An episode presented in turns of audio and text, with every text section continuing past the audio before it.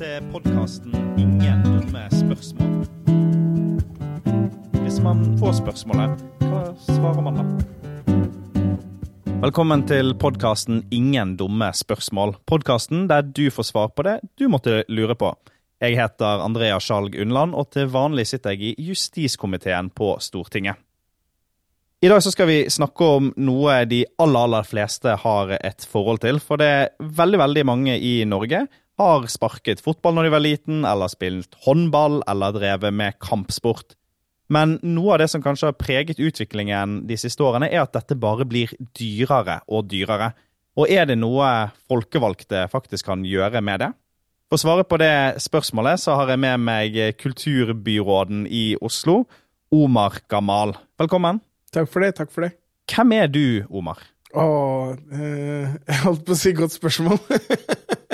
Nei, eh, Omar heter jeg. Eh, Bor i Oslo, har hjerte i Oslo og eh, er 31 eh, år gammel. Og jobber som ikke bare kulturbyråd, men kulturbyråd, idrettsbyråd og frivillighetsbyråd. Mm. Og da er jo det store spørsmålet er det noe du som folkevalgt kan gjøre for å få ned de stadig økende prisene i idretten? Det er egentlig veldig mye vi kan gjøre. Eh, det vi ser eh, som er liksom kjernen av problemet, det er at veldig mye av idretten profesjonaliseres. Og profesjonaliseres unødvendig mye. Man ønsker jo kvalitet, ikke sant? sånn at eh, barna har gode aktiviteter, men man trenger ikke topp trenere og akademier og eh, Barcelona-turer og alle de tingene vi har sett. Og det kan vi stille krav om, eh, og også utfordre Norges idrettsforbund eller det lokale idrettslaget der man er. Ja, for hva er det man kan stille krav om? Er det sånn ja, hvis dere skal bruke kommunens anlegg, så, så krever vi dette? Ja, for eksempel. Det kan man uh, stille krav om. Vi har jo det slik i Oslo at vi bygger nesten alle idrettsanleggene til idrettslagene. Uh, og vi gir også en del tilskudd til idrettslagene.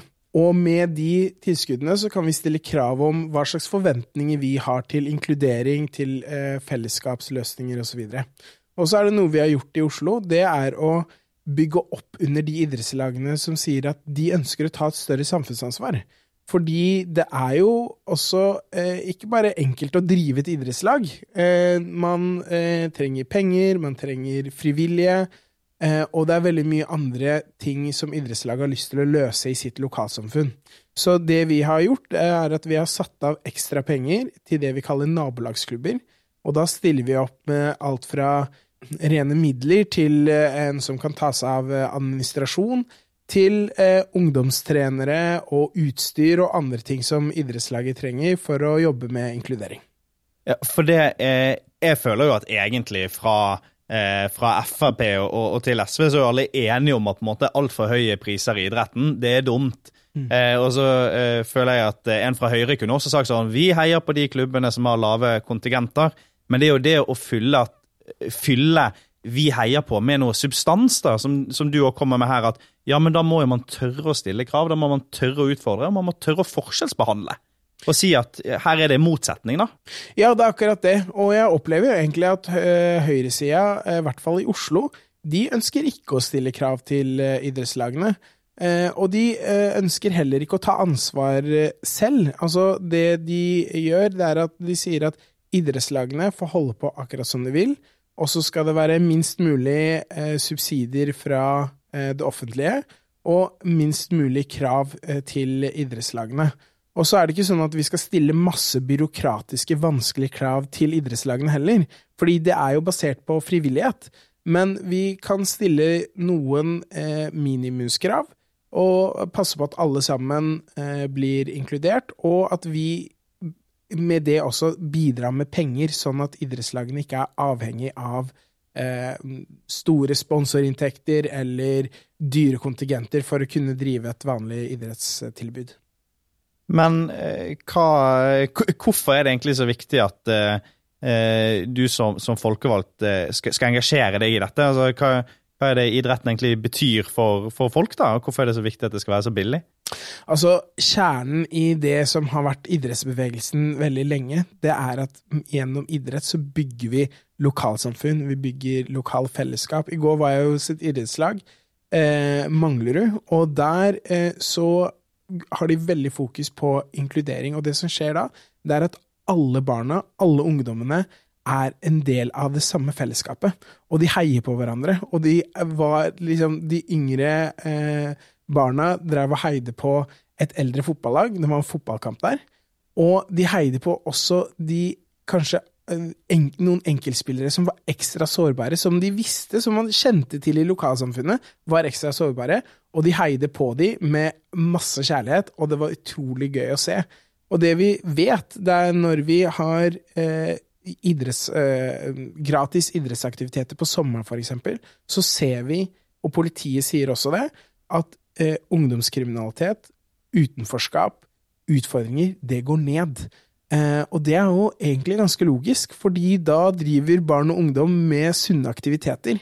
Så det handler egentlig om å bygge lokal, lokal fellesskap, lokalmiljø, fellesskap, og, og, og, det at eh, alle barn og unge skal få det til å være med på aktiviteter det du sier der, er det jeg syns er så kult med, med kulturen og, og, idretten på, på, sitt beste. At det, det er litt som fellesskole. Da. Da mm. møtes mennesker med, med ulik bakgrunn, med ulik størrelse på foreldrenes lommebøker på den samme banen, og, og spiller og har det gøy sammen og, og rivaliseres på, på, en sunn måte. og Man bygger lokal identitet, og man bygger fellesskap på tvers av mange av de tingene som ofte kan skille mennesker. Eh, og det gjør det også til et så utrolig sterk kraft til å bygge fellesskap? Ja, det er akkurat det. Og det vi vet, er at eh, når du får muligheten til å være en del av det fellesskapet, så tar det også mer vare på andre. Og også foreldrene blir kjent med hverandre, ikke sant? Eh, så når eh, et barn eh, som ikke er ditt eget barn, men du ser er ute, kanskje er i litt feil miljø, så er det noen andre foreldre som også passer på og se hvordan er det det går med deg, hva er det som skjer. Eh, for meg handler det om fotballtreneren eh, i ungdomsårene som eh, så at jeg ikke var på noen fotballtreninger, og som spurte meg hvorfor er du ikke på fotballtrening, og det i seg sjøl gjorde at jeg ble mer bevisst på hvilke spor jeg egentlig er på nå. Kanskje jeg er på feil spor. Og eh, han treneren dro meg inn i fellesskapet igjen, og det er jo utrolig viktig for den personen jeg er i dag. Så eh, det at alle sammen er med og har muligheten til å være en del av det fellesskapet, det er kjempeviktig. Det er en del av det liksom, grunnleggende i vårt samfunn også. Så hvis eh, du står på stand, Omar, og det kommer en potensiell velger bort og spør ja, hva er det SV kan gjøre da for å få ned prisen i idretten, hva svarer du da? Det første jeg ville sagt, det er at for SV så er det viktig at alle barn og unge skal få lov til å være med på leken. Og så er det andre jeg ville sagt, det er at vi i SV vi skal bygge idretten ved å bygge idrettsanlegg. Vi skal sørge for at idretten har forutsigbare driftsmidler, sånn at vi ikke eh, sliter med å få økonomien til å gå rundt i idrettslaget. Og så skal vi også stille krav og forventninger til idrettslagene, sånn at det ikke er bare de som er mest engasjerte, som får det til å legge premissene, for da vet vi at det veldig ofte blir altfor dyrt. Tusen takk, Omar, for at du kom i podkasten Ingen dumme spørsmål. Hvis du som eh, lytter lurer på mer om SV sin politikk, så vil jeg anbefale å gå inn på sv.no slash ressursbanken. Der finner du svar på det aller, aller meste. Vi høres.